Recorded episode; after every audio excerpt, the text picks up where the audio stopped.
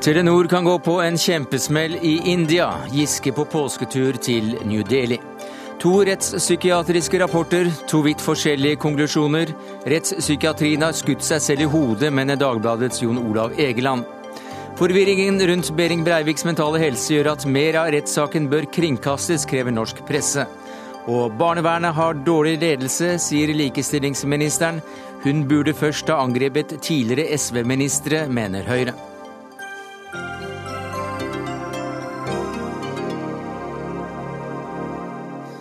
Det er noen av sakene i Dagsnytt 18 denne onsdagen, hvor vi også tar opp den økende spenningen på grensen mellom Syria og Tyrkia, og vi får besøk av Utøya-offeret som tvitret under ugjerningen, og som nå har skrevet bok.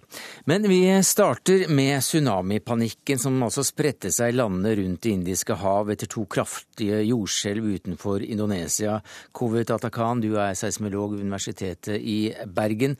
Ettermiddag ble faren for tsunami avblåst. Hvordan vurderer du situasjonen? Eh, situasjonen har vært alvorlig i, i den forstand at eh, to sterke jordskjelv på denne magnitudestørrelsen, over magnitude 8, det er ikke hverdagskost. Det skjer ofte statistisk sett én gang i løpet av et helt år. Så slik at eh, to jordskjelv i løpet av et par timer i samme område, så har det vært en veldig alvorlig hendelse. Og dette området, også det området der dette fatale jordskjelvet eh, skjedde i 2004? Det stemmer. Og eh, i kjølvannet av de hendelsene, spesielt eh, ved starten av 2004, store jordskjelvet, så har det vært en rekke hendelser langs hele den plategrensen hvor det forårsaket eh, ganske store forkastningsbrudd. I det store jordskjelvet i 2004 så husker vi at faktisk forkastningsbruddet strekte seg hele veien, altså 1300 km nordover. Og det var store områder som var berørt, og bortimot 230 000 mennesker mm. har mistet livet i, i etterfølgende tsunamien. Men ganske raskt så fant du også ut at eh, det nok ikke var så stor fare for en, eh, en stor tsunami denne gangen? Det stemmer. Det er to årsaker til det. Det ene er at uh, jordskjelvet forekom i et område hvor det er langt utenfor selve plategrensen, hvor disse litosfæreplatene er i kontakt med hverandre, hvor det foregår en vertikal bevegelse hvis det forekommer et jordskjelv, slik som det var i 2004. I dette tilfellet faktisk jordskjelvet forekom på et horisontalplan. Når bevegelsen er på horisontalplan, så faktisk er det nesten ingen eh, tsunamifare, nettopp fordi at eh, havsøylen blir ikke løftet opp. Når man ikke løfter opp havsøylen, så blir det ikke dannet tsunamibølge. Etter 2004 eh, så ble det skrevet mye om at nå skulle det mye forskning i gang. Det skulle settes opp målestasjoner, sensitive apparater skulle plasseres rundt om. Hvordan har dette arbeidet gått? Eh, det har gått veldig bra og veldig intensivt. Bl.a. Eh, mye eh, kunnskap og teknologioverføring fra europeiske hånd. Bl.a. Tyskland har vært i, i, i, spissen her. Og det er blitt allerede installert et tsunami tidlig varslingssystem i Indonesia bl.a. ved hjelp av tysk ekspertise og, og, teknologi. Og den har jo allerede vært på plass i 2008. Så siden den gangen så har det vært jevnlig et tsunamivarslingsapparat som var aktiv i det området. Så et senter et eller annet sted eh, får også informasjon om at en stor tsunami kan og er på, på vei. Men hvordan kan det formidles da til, eh, til et område som er eh, ja, der er det millioner av mennesker som f.eks. ikke har radio og fjernsyn, eller elektrisitet? Det, det, det, er kanskje akkurat i det siste leddet som det svikter mest. fordi at teknologien er der, kunnskapen er der. Man, å nå disse store massene, det er det, den største utfordringen. Jeg tror ikke vi har en klar og, og, og enkel løsning på dette problemet. Men eh, hver gang det er mer bevissthet innenfor tsunamiproblematikken, så er det faktisk eh, befolkningen også er oppvakt, og dermed de vil være åpen for eh, både beskjeder og eh, informasjon som kommer fra myndighetene. Takk skal du ha, Kovet Atakan, seismolog ved Universitetet i Bergen. Hør Dagsnytt 18 når du vil, på nettradio eller som podkast. nrk.no – dagsnytt 18.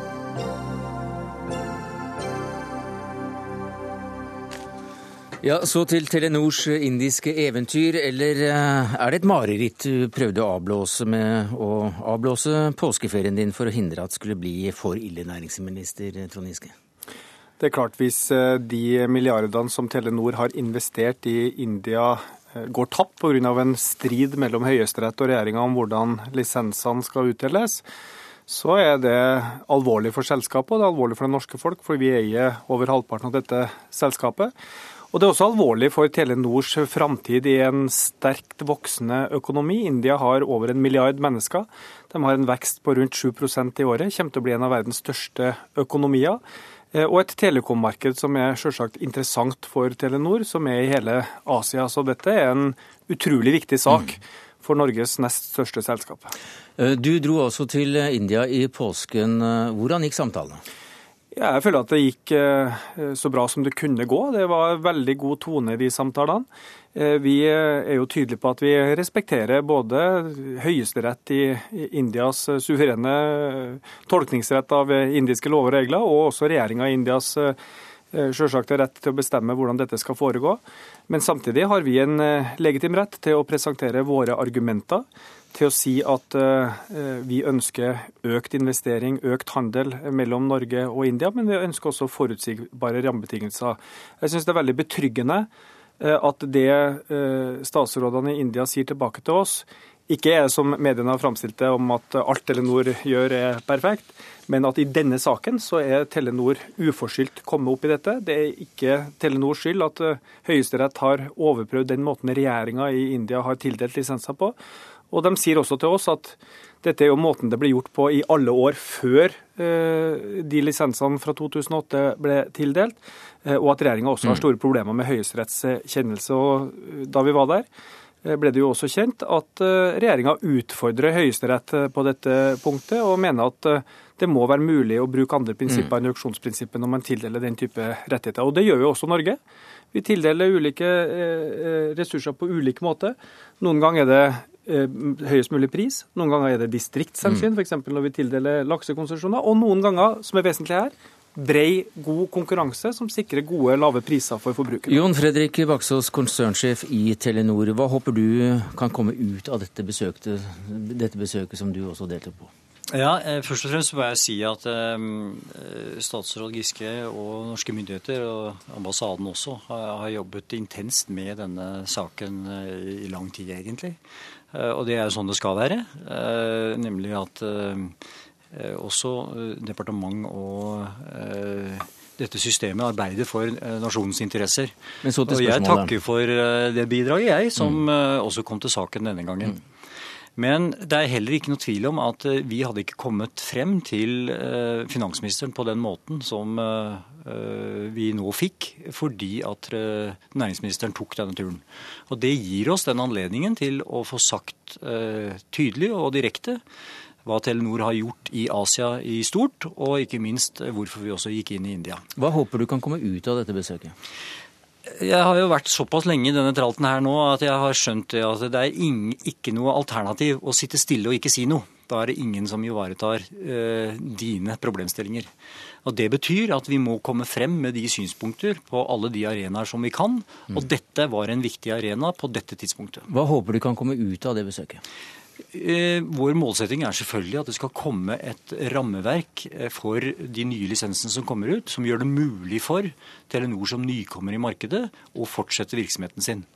Og Da er det to ting som må skje. Det ene er at eh, de to beslutningene som Høyesterett har pekt på, nemlig tilbakekallelse av gamle lisenser og utstedelse av nye, de to tidspunktene må i hvert fall falle samtidig.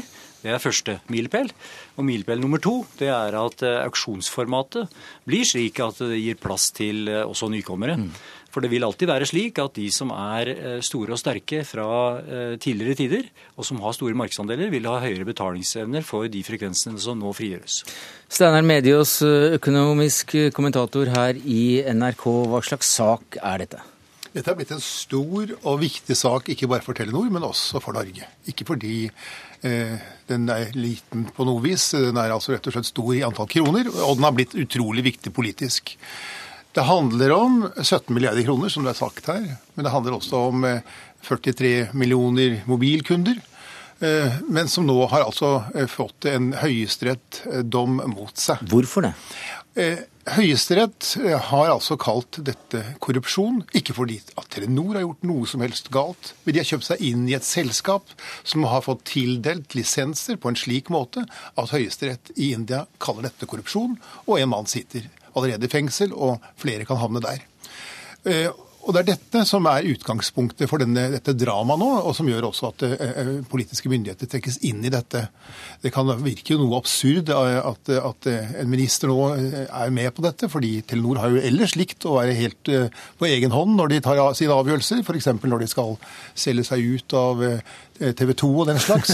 Da fikk jo Giske på pukkelen for at han blandet seg, men nå vil de gjerne ha han med på laget, har jeg skjønt.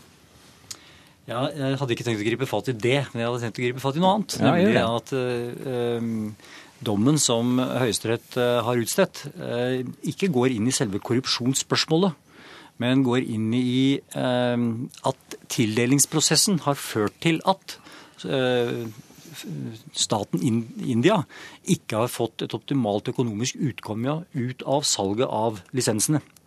Eh, der auksjonsprinsippet anses som det beste eh, formen for å få ut nettopp det, nemlig altså relevant verdi, verdi for naturressursen. Korrupsjonssaken går i et annet spor eh, og går i et annet rettssystem.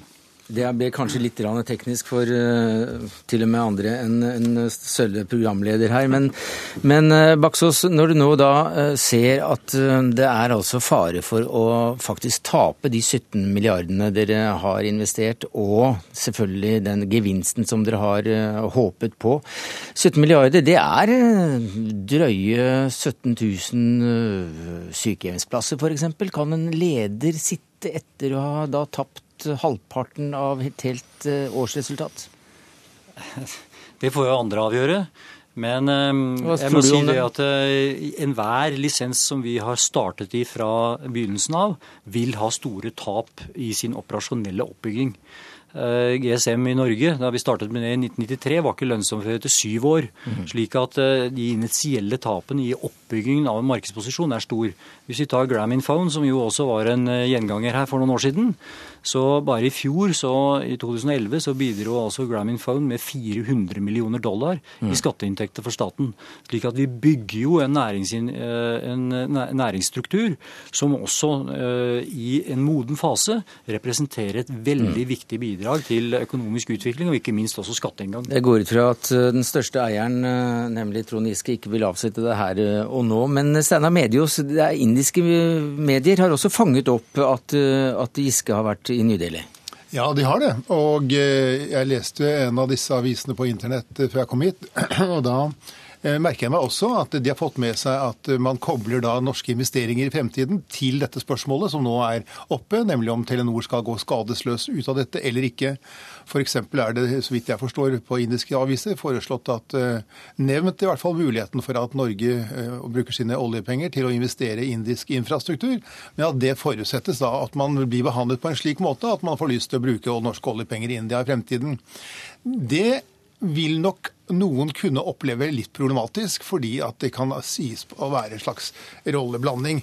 Hvis man tillater seg å se dette i, i speilet, så å si, og så for seg at Kuwait hadde kommet i samme situasjon som den norske stat hadde nå kommet til India, og deretter sender en, en, en kuwaitisk minister opp til Norge for å, å, å diskutere en dom i Høyesterett i Norge, så tror jeg et og annet hadde skjedd her i riket. Vi hadde ikke likt det.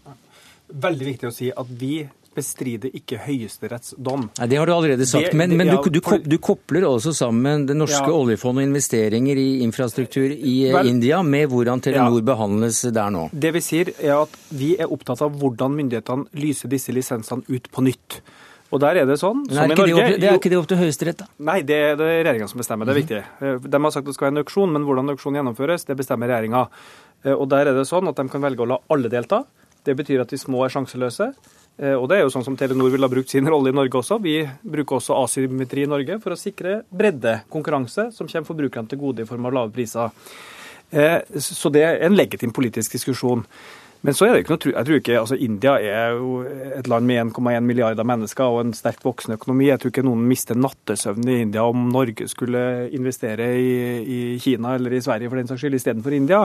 Men det vi sier, er at det er klart at når jeg går ut til privat næringsliv i Norge eller til oljefondet eller hvem som helst og argumenterer for at de skal se til India som et interessant investeringsland, så kan jo de si tilbake at vel, du har jo, eh, representerer jo eierskapet for staten i et selskap hvor det er over halvparten, og hvor dere står i fare for å miste mange milliarder kroner, hvordan skal dere forvente at vi skal investere i India, hvis ikke engang statens selskap er trygge når man investerer mm. i India?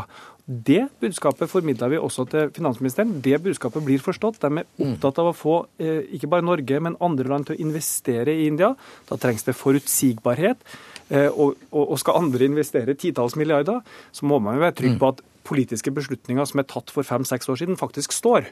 Mm, Baksås, Ellers så blir det vanskelig. Baksås, du som egentlig er vant til og, og liker best å, å, arbeide ganske selvstendig. Hvordan er det å, å, måtte ty til en næringsminister da, og få med deg hele oljefondet i bakhånd som en trussel eller, eller gulrot for å få noe gjennom India? Her er det vel et par aspekter som er viktige. Jeg, jeg, jeg, tror vel det at eh, det er ikke bare oljefondet som sitter og ser på hvorvidt denne investeringen havarerer eller ikke havarerer. Det er også en hel masse andre investorer som gjør. Slik at dette er ikke noe som bare gir gjenklang i, eh, i India-Norge-forhold. Dette gir gjenklang i et internasjonalt perspektiv. Mm -hmm. Jeg syns det er helt i orden ja, at uh, Telenor og den norske stat uh, uh, engasjerer seg i dette spillet her. Altså Husk bare på uh, når Norske Veritas mistet sin lisens for eh, sertifisering i, i, Kina. Det er klart Den norske stat vil være interessert i å, å, å heve mm. frem mm. norske interesser, og det, det, gjelder i dette tilfellet òg. Et øyeblikk, Giske. Du fikk også kritikk fra Blanta inn, som vi hørte med oss i, i eh, Telenors salg indirekte da, av, av TV 2. Eh, når er det greit, og når er det ikke greit at politikere viser handlekraft? Ja, Nå opplevde jeg sånn, det slik at stortingsflertallet helt klart sa at det var greit eh, å også blande seg inn i TV 2-saken. Du registrerte ikke noe kritikk i den saken? Eh, vi registrerte en viss kritikk fra opposisjonen, og det har vi satt selvkritikk på også i, i, dialogformen. Men har du problemer med har... å se når det er riktig og når det er galt å vise handlekraft? Er det litt utydelig? Eh, jeg tror kanskje det at det i hvert fall for oss har vært klart hele tida, men at det kanskje har vært litt uklart i Telenor. Men det tror jeg vi har avklart nå. Men bare la meg si det. Ja, jeg hadde kommet til å engasjert meg i den India-saken, også om Telenor hadde vært et helt privat norsk selskap som næringsminister. Men det at det er klart at vi eier også 54% og at norske folk må betale regninga hvis vi taper pengene, det gir det en ekstra dimensjon. Men akkurat i dette tilfellet tror jeg det er til og med en fordel, fordi at India gjenkjenner det. At et selskap er eid også av det offentlige, og at det er en tilleggsdimensjon. Takk skal du ha, Trond Giske, næringsminister for Arbeiderpartiet, Jon Fredrik Baksås, konsernsjef i Telenor, og til Steinar Mediås, økonomisk kommentator her i NRK.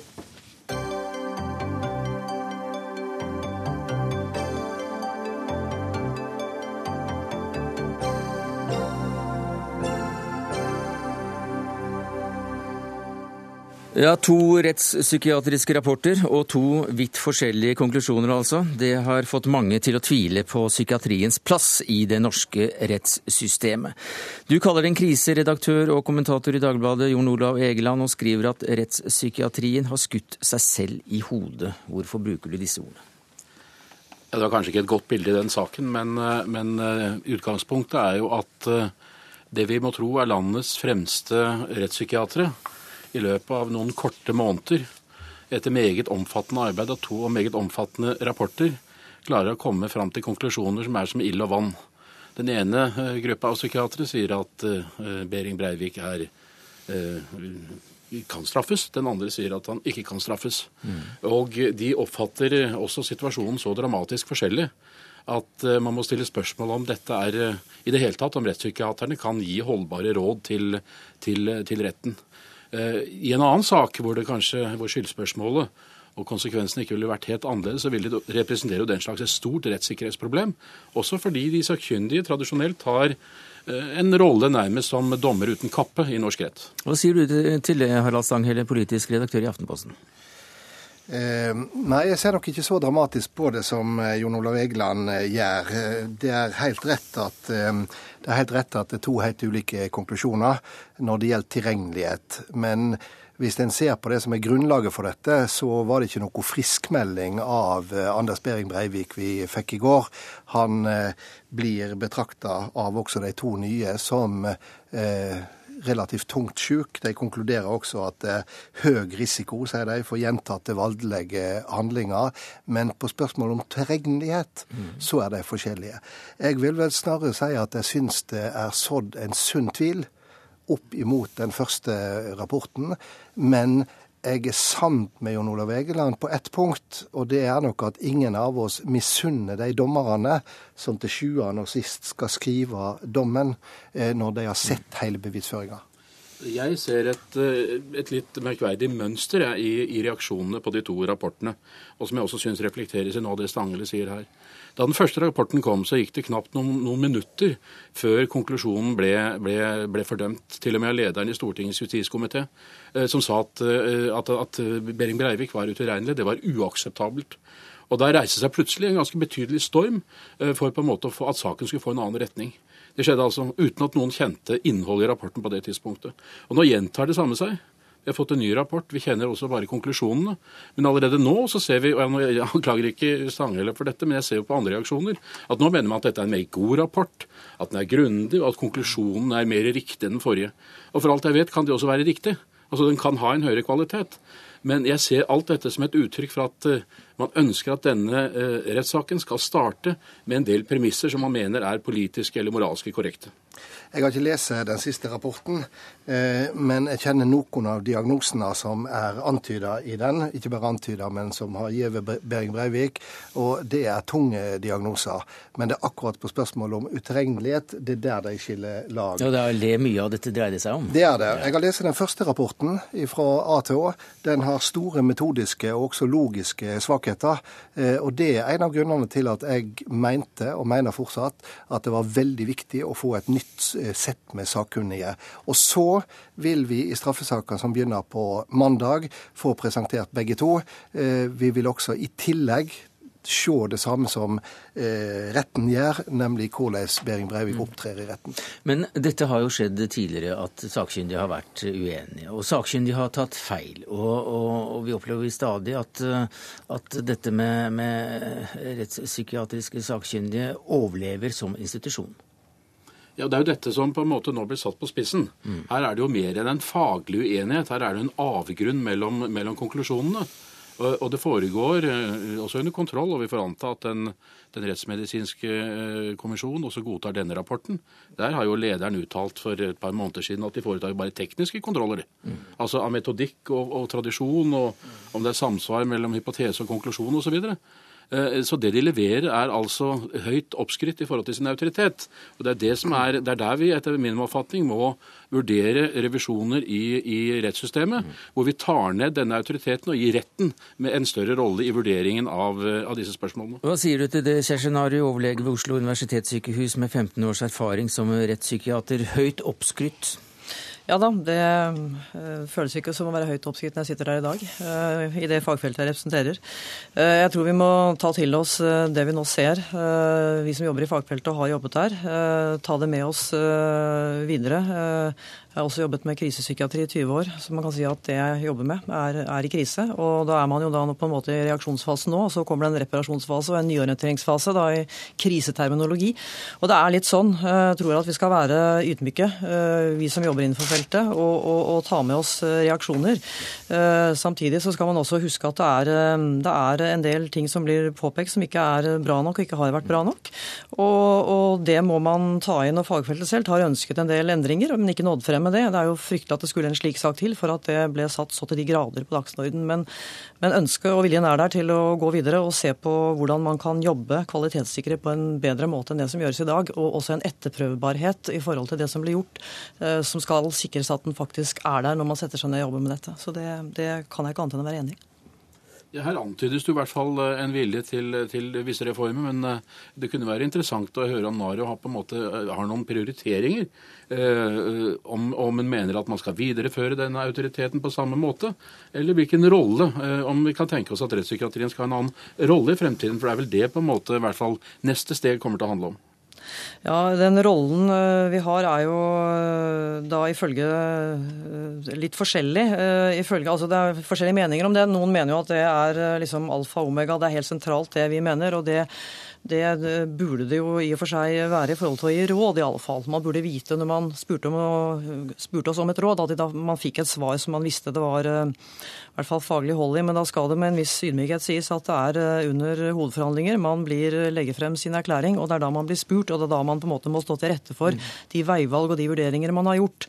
Jo, men Egeland kom, kom med et spørsmål om, ja. om hvordan du da, tenker deg at et slikt prioriteringsarbeid, hva som skal ut og hva som skal inn av, av ulike ja, jo, elementer i, i, dette fenomenet som kalles ja, rettspsykiatrien? Det er jo Tilregnelighetsbegrepet har jo vært liksom tatt tak i med en mm. eneste gang og sagt at uh, selv om man er gal og ikke kan innestå for noe som helst, så skal man straffes. Jeg tenker Da begynner man litt i feil ende. Man må se på arbeidsmetoder, hva vi faktisk gjør. Jeg mener at det hadde vært ønskelig at man, eh, når man ble, når retten, altså partene bestemmer at det er to eh, Nå er det ikke jeg som skal bestemme dette, men altså når retten da sier her er det tvil om uh, tiltaltes uh, syke, vi trenger sakkyndige, så bør det være f.eks. en automatikk at man da hadde uh, på egnede institusjoner, jeg mener da f.eks. sikkerhetsavdelingen, at det var satt av plasser der som man umiddelbart fikk lagt inn vedkommende til en observasjon uten å gå veien om straffeloven eller psykisk helsevernloven. Altså det var en, og Der hadde man et personale som kunne observere, øh, og hvor de da, øh, de som skulle inn og gjøre vurderingene, hadde dette å støtte seg på i tillegg til sine utredninger, som burde være kvalitetssikret. Det burde være utredningsinstrumenter. Det burde være en slags kvalitetspakke som ble benyttet av alle og de rettspsykiaterne som ikke er oppdatert faglig i forhold til kursing av seg selv og sin ekspertise krise, burde da ikke få slike oppdrag. Altså, jeg må jo si at jeg ser to oppløftende ting i, i, denne diskusjonen. Det ene er jo den åpenheten som Kjerstinaru viser for at det er behov for reformer. Mm. Det andre er jo at jeg har jo sjelden opplevd et, et, laug som har hatt en så åpen og stri debatt som vi så i fjor høst etter den første rapporten eh, kom. Eh, og der har vi i media kanskje noe å lære også. Det som gjør at jeg er opptatt av at kvaliteten må bli bedre, det er at jeg har sett altfor mye mye dårlig kvalitet gjennom de 30 åra jeg har vanka inn og ut av norske rettssaler. Dessuten har jeg sett at, som Berit Reiss-Andersen i Advokatforeninga uttrykte det, at dommeren ofte abdiserer og lener seg for tungt på psykiaterne. Og det er der jeg ser ikke så nattsvart på det i Behring Breivik-saka som Jon Olav Egeland gjør. Jeg ser to grundige rapporter, i hvert fall i, i, i kvantitet. Jeg ser flere sett med psykiatere som skal vitne i retten. Eh, og så har vi forhåpentligvis en oppegående rett som er i stand til å både trekke en konklusjon, men også grunngjeve konklusjonen.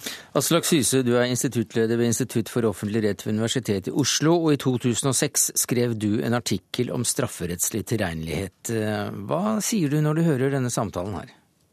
Ja, For det første er det jo veldig spennende å se at eh, det nå er en eh, uenighet mellom eh, da sakkyndige. Og jeg er ikke så sikker på at jeg er enig med Egeland at det er en avgrunn mellom dem. I og med at man bare kan konkludere enten med tilregnelighet eller utilregnelighet, så er det ikke sikkert at avgrunnen er så stor som også Stanghelle er inne på. Det som jo er problematisk, er at man får denne debatten nå på basis av Breivik-saken. Og jeg tilhører de som synes at påtalemyndigheten tok for lett på dette spørsmålet, og at retten tok for lett på det ved første eh, runde da man oppnevnte sakkyndige. Man gjorde det man pleier å gjøre i Norge, og det er det ikke noe hemmelighet at i Norge har det vært vanlig at man opererer i par som da er veldig samstemt på forhånd. Vanligvis så blir jo ikke mediene seg så mye med hva som skjer med folk som er utilregnelige. Og Derfor har man fått en praksis som har utviklet seg i en uheldig retning. ja, ja hvilken, hvilken, uheldig retning er det, er det de ja, sikter til da? Ja, flere ting er nevnt. For det første det at psykiaterne ikke er uavhengige av hverandre. Nå blir mm. oppnevnt to, men man har denne avhengigheten. Og det andre nemlig at retten har lent seg veldig tungt på psykiatrien. Eh, og latt dem i en stor utstrekning eh, være avgjørende. Slik at uh, makta har ligget hos psykiaterne, men ansvaret har ligget i domstolen. Dette er jo en bekvem arbeidsdeling, og den er beskrevet gjennom år og gjennom tiår at det er sånn dette systemet har fungert. Men vanligvis så er det jo småkorsfolk eller folk som ikke får denne medieoppmerksomheten, som rammes av den rettsusikkerheten som har herska på dette feltet. Folk har ikke villet bry seg. Man har vært godt fornøyd med det systemet. Det er ikke riktig det som sies av mange, at man har stadig tenkt nytt på dette området.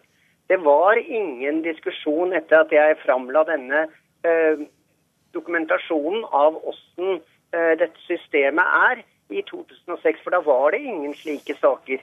Nå plutselig er det blitt en stor interesse for feltet. Og det som er bra, er at uh, rettssikkerheten for andre folk enn Breivik også kan bli styrket hvis man mm. da går inn i dette problemfeltet.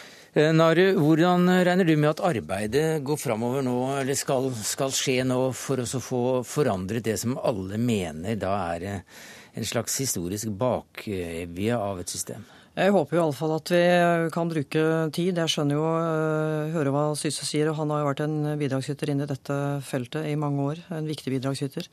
Uh, jeg håper jo at det ikke blir sånn at det nå er en leder av en eller annen komité, en politiker, som hopper opp og sier at nå må vi gjøre dette, og så går man inn med brask og bram. er det noen, noen bestemte du sikter til? Nei, jeg syns det Det ønsker jeg ikke å kommentere. Det får folk tenke selv. Men altså, jeg, jeg, reagerer jo litt på at man, man, hopper på det ene og det andre. Det er jo noe med å, å kanskje også være lydhør når da solide folk som Syse og Rosenkvist og andre kommer med, med, med innspill.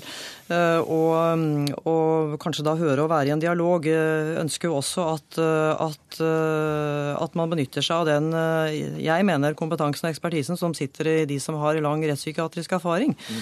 uh, i dette.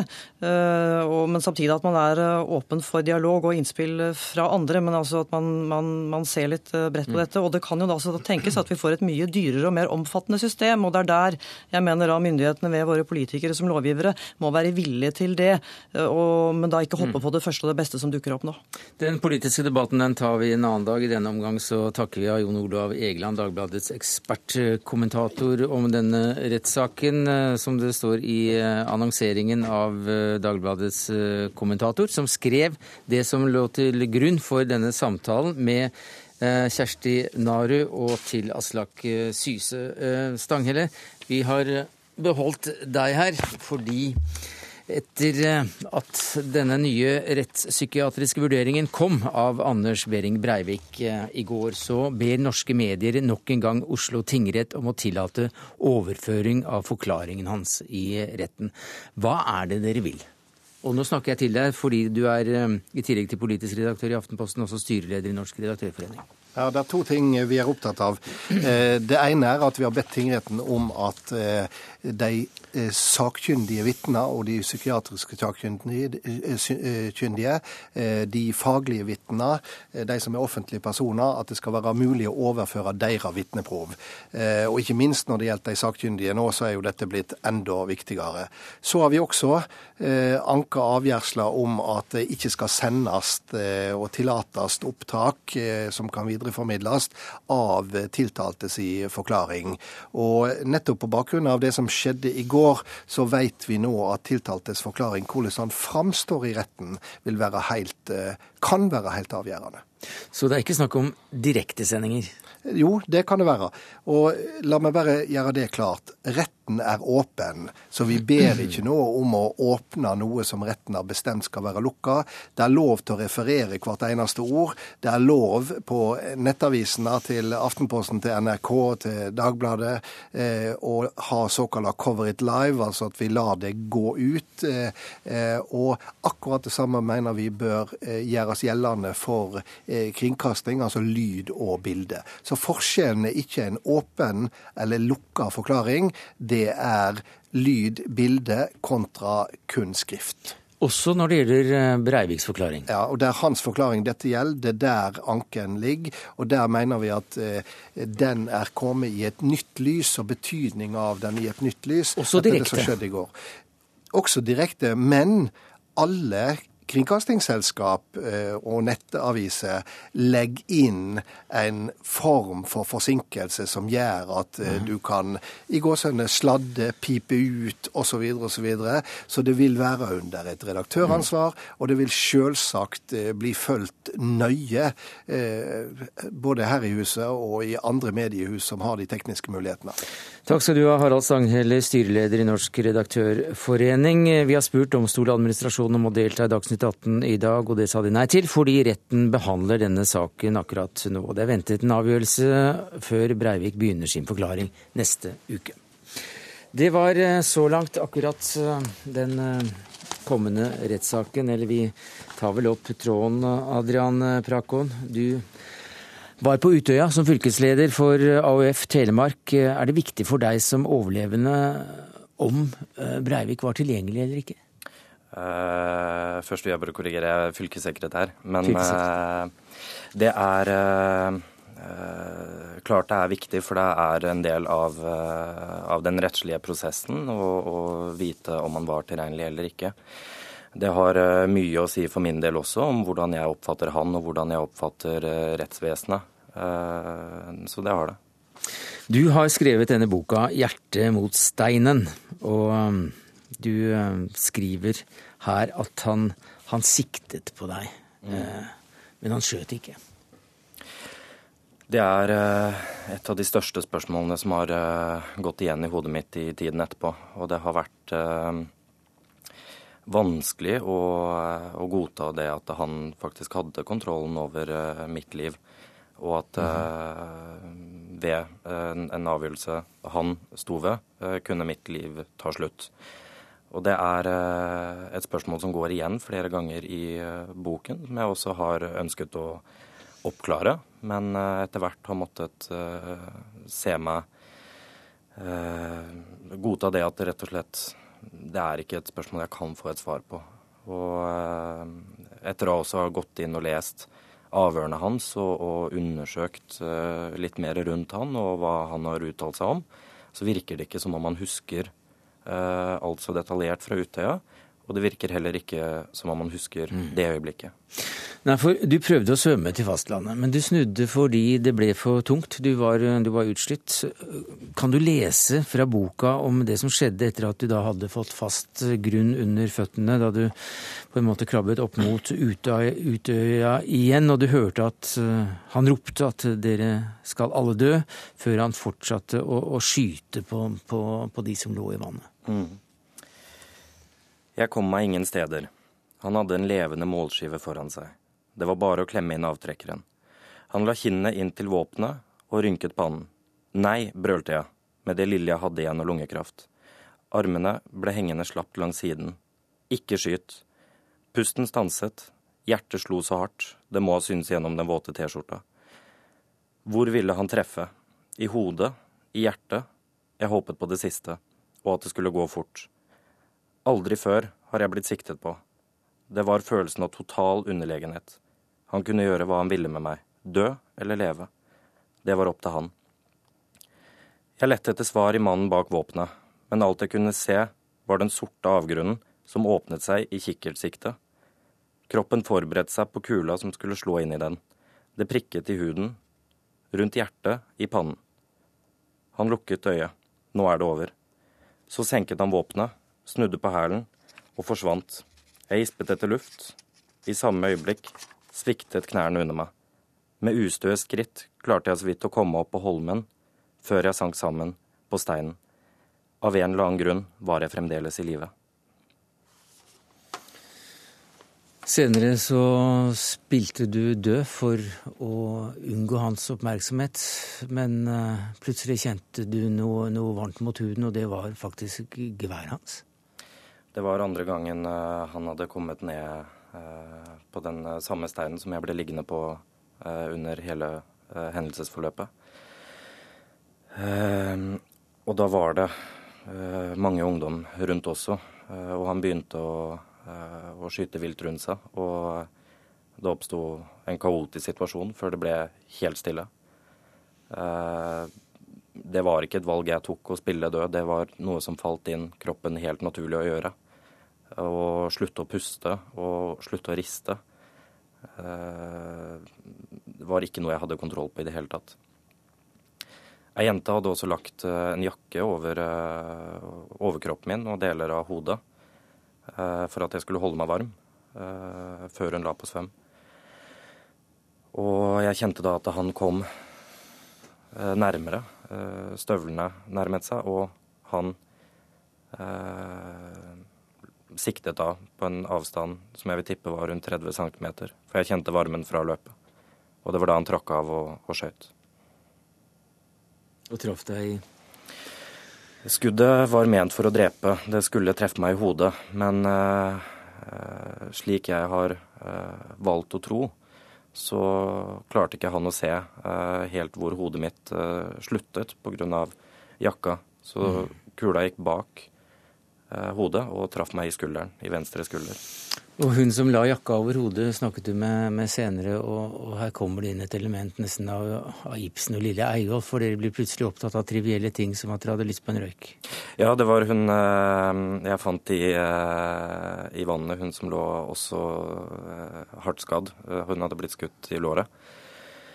Og det var et øyeblikk vi hadde sammen som var eh, egentlig veldig unikt, som jeg ikke helt klarer å forstå hvordan eh, det gikk seg til. At vi kunne ha det eh, slik vi hadde da. selv var jeg på vei til kiosken for å kjøpe røyk mm. når han kom, og, og jeg rakk det ikke. Og det var noe jeg tok opp når vi ble liggende på denne steinen og prøve å holde varmen eh, mm. under én og samme jakke. Eh, hvor eh, Eh, humoren var både unik og spesiell på det øyeblikket, men eh, det var nok det som reddet vår psykiske tilstand. For du fant ut at kiosken nok var stengt? Vi eh, tok et utgangspunkt i at kiosken var eh, stengt, ja. Eh, jeg hørte eh, deg i, eh, i samtale med programlederen for, for, Radioselskapet på P2 tidligere i dag, rundt 11-tida. Og, og, da fortalte du at dette var noe du holdt, denne boka, bokprosjektet, er noe du har holdt fast i mm. som et holdepunkt gjennom den vanskelige tiden mm. fra 22.07. Og, og til i dag, da den altså frigis. Mm. En terapi. Det har det vært. Eh, jeg bestemte meg veldig tidlig for at jeg eh, skulle skrive denne boken, og at det, det var noe jeg så på som en eneste hjelp til eh, å komme meg tilbake igjen fra, fra dette og kunne bearbeide dette på. Boken ble også veldig viktig for meg underveis, hvor meningen med boken til å begynne med var at jeg skulle bearbeide det. Mm. Eh, til at den flyttet seg og ble eh, et prosjekt som ville løse en del av de spørsmålene jeg hadde, hvor jeg måtte aktivt gå inn i det. Eh, og det har vært en bearbeidelse, samt også en forberedelse til den kommende rettssaken. Og der skal du vitne. Du er en profilert mann, ble enda mer profilert etter denne boka. Den er for øvrig skrevet med, sammen med Erik Møller Solheim. Så har du vært og tvitret under ugjerningene og ble fanget opp av CNN. Du har kritisert norske myndigheter, du har vært eh, aktiv og stukket hodet ditt fram. Hvordan blir livet ditt nå etter rettssaken? Det vil ligge meg nært fortsatt, det som skjedde 22.07, så lenge vi har eh, dette som et åpent tema, en offentlig debatt. Eh, og det kan være rettssak, det kan være Eh, de spørsmålene og de uenighetene vi sitter igjen med i tiden etterpå. Eh, boken skrev jeg for å kunne bearbeide dette. Eh, alle følelsene, alle inntrykkene og, og alle tankene jeg hadde. Men du er tilbake som, som fylkessekretær? Jeg var tilbake bare litt over en uke etter hendelsen, hvor jeg ble etter valgkampen uh, sett meg nødt til å, å prioritere meg selv og, mm. og uh, min egen uh, psykiske helse, og valgte da å ta en liten pause fra, fra arbeidet som fylkessekretær. Takk skal du ha, Adrian Prakon, mannen bak Hjertet mot steinen. Dagsnytt 18 alle hverdager klokka 18.03 på NRK P2. For lite samarbeid, dårlig ledelse og mangelfull kompetanse til å høre og snakke med barn, ressursmangel og for få stillinger. Ja, dette er noe av kritikken som barne- og likestillingsminister Inga Marte Torkelsen har rettet mot barnevernet i det siste. Og Linda Hofstad Helleland i familie- og kulturkomiteen for Høyre, du sier til Verdens Gang i dag at denne kritikken først og fremst viser dårlig lederskap i departementet, som SV har styrt siden 2005. Hvorfor det? Jeg ble litt overraska over at uh, ny statsråd uh, går til angrep på de ansatte i barnevernet, som hver dag prøver å gjøre en fantastisk jobb for uh, å gi ungene en bedre hverdag. Nå er jo Torkelsen den femte statsråden på under sju år som øverste ansvarlig for barnevernet og starte på en måte med å snu hver stein og starte forfra med stort engasjement.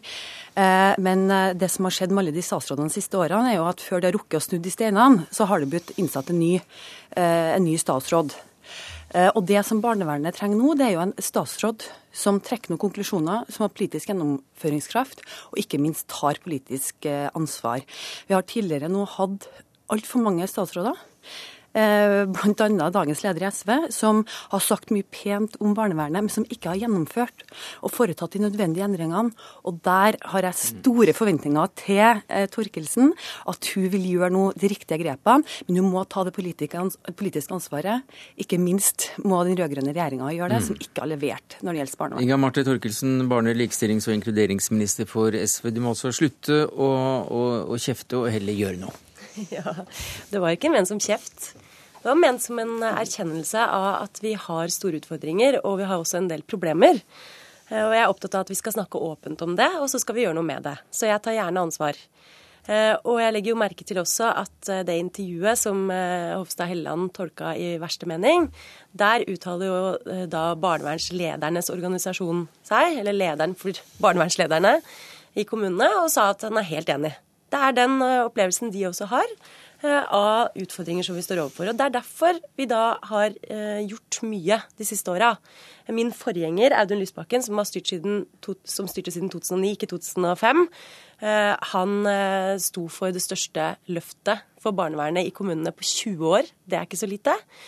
Og satte også i gang veldig mange utredninger på barnevernsområdet og evalueringer, som nå setter meg i stand til mm. å handle på en rekke områder framover. Og det skal jeg gjøre. Ja, altså, jeg, og jeg tror på Torkelsen at hun, hun, har et ekte engasjement for barnevernsbarna. Men, men uh, å gå ut og kritisere de ansatte Nå trekker jeg fram lederne for barnevernet, at de er fornøyd med hennes utdannelser. Men det er jo ikke alle de tusen som jobber i barnevernet, det er ikke ledere. Det er dem som mm. er nært barna, som ser tragediene, og så ser hvor vondt og vanskelig eh, de har det. Ja, nei, men jeg, jeg tror at uh, Hofstad Helland misforstår med vilje. og Hvis det er noen som misforstår, eh, ikke med vond vilje, men fordi de faktisk misforstår, eh, så vil jeg bare si til dem med en gang at dette er ikke en kritikk av de barnevernsansatte. De barnevernsansatte gjør så godt de kan. Og de har gjort det under eh, trange vilkår gjennom mange år. Det er derfor vi gjorde det dette løftet. Ja, det som har skjedd er jo at De ti siste årene så har jo antall barn i barnevernet økt med eh, over 50% Nylig kom Helsetilsynet med en rapport som viste at stikkontroller så var det 40 av 44 kommuner som ikke greide å levere et barnevern som loven eh, pålegger dem. Hvem er det sitt ansvar? Selvfølgelig er det politikerne sitt ansvar. Vi har ikke et barnevern som fungerer. Da er det ikke de ansatte i barnevernet man må angripe. Man må ta politisk eh, ansvar. Eh, og vi har en flertallsregjering eh, hvor de fem barneministrene som har sittet under de sju siste årene, har hatt alle mm. muligheter til å foreta seg ting. Dessverre er det ikke gjort. Men så får vi håpe nå at Torkelsen som statsråd eh, leverer. Ja, vi får høre hva han skal levere først. Jeg har jo hørt eh, de diskusjonene som Hofstad Helleland har ført med min forgjenger. Og uansett eh, hvordan han har beskrevet hva vi faktisk har gjort, så preller det av. Og det får jeg bare tatt til retning. Men for de som da er interessert i hvordan det faktisk går med barnevernet der ute, så er det klart at det spiller en rolle når man øker antallet stillinger med 12% på et år og har det største løftet på 20 år. Samtidig så er det helt riktig at det har vært en stor økning i antall saker. En del også mer komplekse saker. Eh, og vi har også fått mange flere barn med innvandrerbakgrunn i barnevernet, som eh, stiller oss overfor en del utfordringer når det gjelder tillit og eh, samarbeid, og det å forstå hva barnevernet gjør, og hva barnevernet ikke gjør. Mm. Så, men det som vi nå jobber med, det er å videreføre det ressursløftet som vi er i gang med. Så er det å se på organiseringa. Der har vi også gjort mange evalueringer nå for å se om barnevernet fungerer som det skal. Det har vært mange evalueringer, og, og, og, og Lysbakken etterpå. Jeg må bare avbryte deg litt. For vi har jo hatt Lysbakken, stor glede for alle sikkert, å høre han snakke om alle disse utredningene. Mm. Men så er det da etterlyst handling. Ja, men noen ganger så hender det at man er nødt til å utrede for å vite hva det er man skal gjøre. Det er veldig dumt å handle bare for å handle. Ja. Og det vi har vært veldig bevisste på og opptatt av, det er jo å spørre de som er i feltet da og barna. Vi har jo gjennomført den første undersøkelsen av hva barna sjøl mener om barnevernet. Eh, og noe av det jeg er mest opptatt av å få til, det er jo at vi skal styrke barns rett til å bli hørt i barnevernet.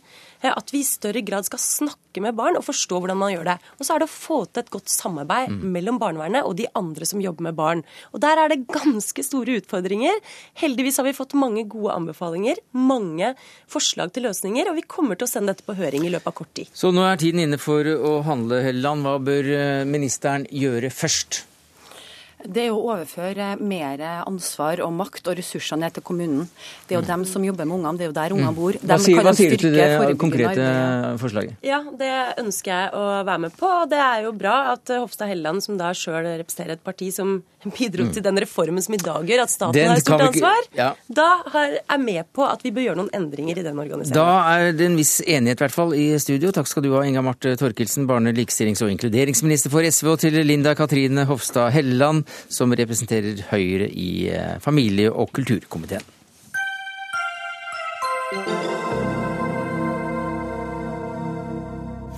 Spenningen øker og volden tiltar på grensen mellom Syria og Tyrkia. Det er ingen tegn på at syriske myndigheter vil følge FNs fredsplan. Nå beskylder Syrias utenriksminister Tyrkia for å undergrave fredsplanen til Kofi Annan gjennom å støtte syriske opprørere.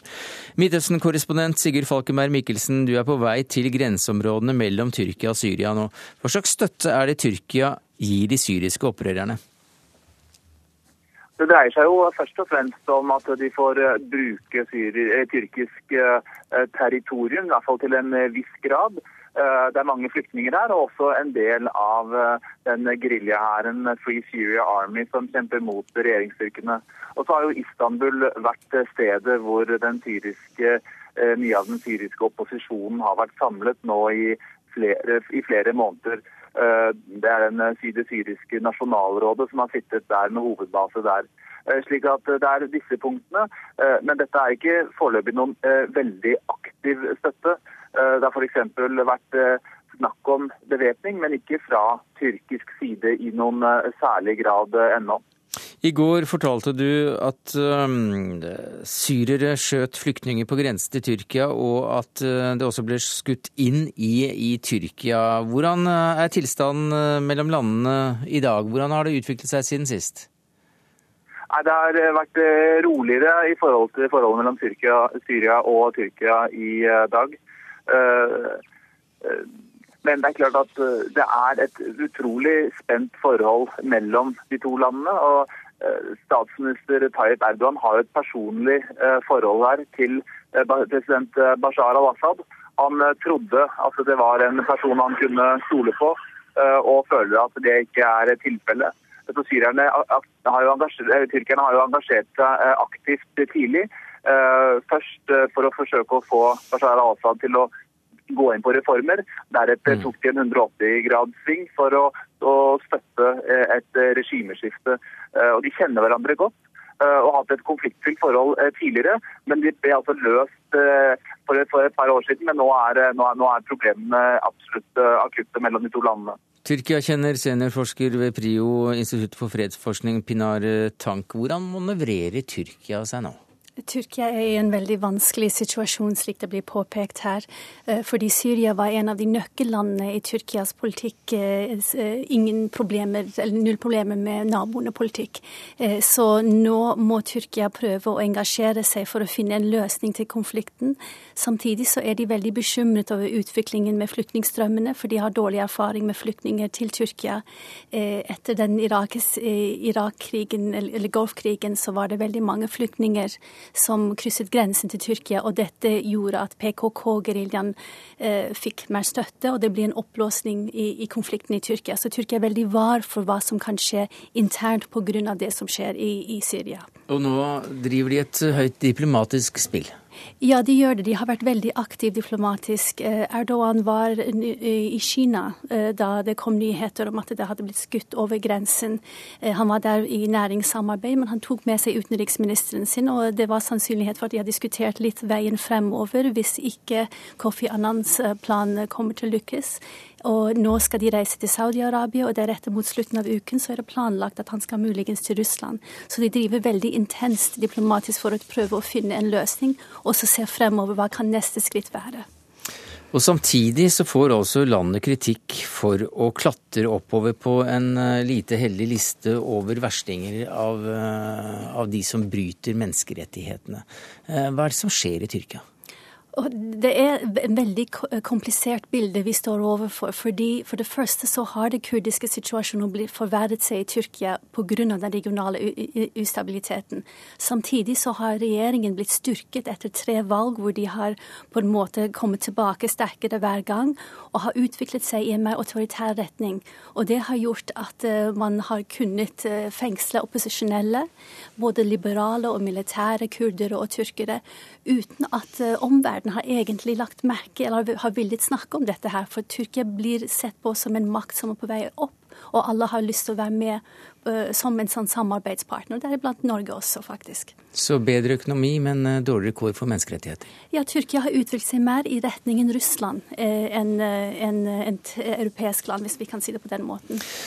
Robert Mood, generalmajor nå i Damaskus som FNs militærrådgiver i eh, Syria. Eh, hvordan vurderer du forholdene i landet du er i nå?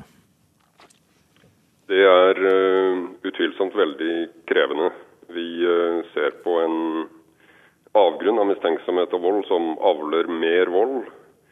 Og det er mange som frykter at denne mangelen på tillit leder partner til å tro at fortsatt militære operasjoner og kamp tjener deres interesser eh, best.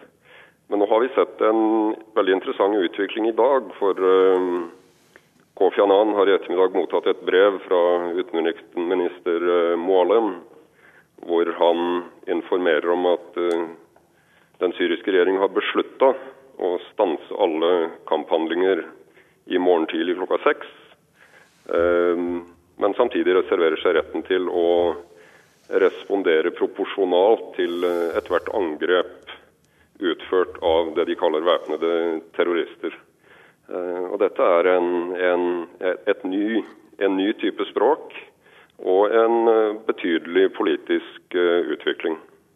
Ja, Hva tror du om landets evne og vilje til å følge den fredsplanen som altså innebærer en, en slags våpenhvile i morgen? Ja, Nå har vi altså fått direkte skriftlig fra den syriske regjeringen ved utenriksminister Moalem en veldig tydelig forpliktelse. og De kommuniserer at de har beslutta å stanse kamphandlingen i morgen tidlig klokka seks. Mm. Hvorvidt dette vil materialisere seg på bakken, er selvfølgelig det vi alle nå følger med spenning. Og det foregår et intenst diplomati, ikke minst eh, opp mot de landene som, som akkurat ble nevnt. Men Du er jo der også for å, å, å, vurdere mulighetene for å plassere en internasjonal observatørstyrke i landet. Hvordan ser du på det i dag? Uh, ja, Nå har jeg akkurat ankommet uh, Genéve, er del av teamet her. Ja. Men uh, uansett så er det uh, etter intense nonstop-forhandlinger i, i, Damaskus fra skjærtorsdag og fram til sent i går kveld, så har vi gjort betydelig framgang. Så vi har et godt grunnlag for en videre prosess. Eh, muligheten for å få dette til eh, nå tror jeg er, eh, er begrensa. Situasjonen på bakken og den politiske forpliktelsen fra begge sider fram til vi mottok dette brevet, har vært usikker. Så nå gjenstår det rett og slett å følge utviklingen i morgen for å se om mm. forpliktelsene følges i praksis. Da håper vi å kunne snakke med deg igjen, men altså da fra Genéve og ikke Damaskus, som jeg feilaktig introduserte, generalmajor Robert Mood. Takk skal du ha. Pinay Tank, hva sier du til denne siste meldingen? Ja, Det håper jeg inderlig er, noe som kommer til å skje. Det er en veldig tynt håp, men vi får vente til i morgen og så se. Sigurd Falkenberg Mikkelsen, kort til slutt. Vi er ferdige om 40 sekunder her. Men uh, Anan, altså FNs utsending i dette spørsmålet, har vært i Teheran. Hva ønsker han å oppnå der? Legge mer press på eh, Assads allierte. Han har jo hele veien prioritert det, reist til Moskva, eh, nå til Iran, eh, i et forsøk på å overbevise dem om at de, så de igjen skal overbevise Assad om at han må følge den planen han har lagt opp, og også allerede godtatt. Takk skal du ha, Sigurd Falkenberg Mikkel, Mikkelsen, vår Midtøsten-korrespondent. Pinar Tank, Tyrkia-kjenner, seniorforsker ved Institutt for fredsforskning. Det var det vi rakk i Dagsnytt 18 denne onsdagen, takket være ansvarlig for det hele, Karoline Rugeldal. Det tekniske ansvaret hadde Hans Ole Humlevold. Jeg heter Sverre Tom Radøy.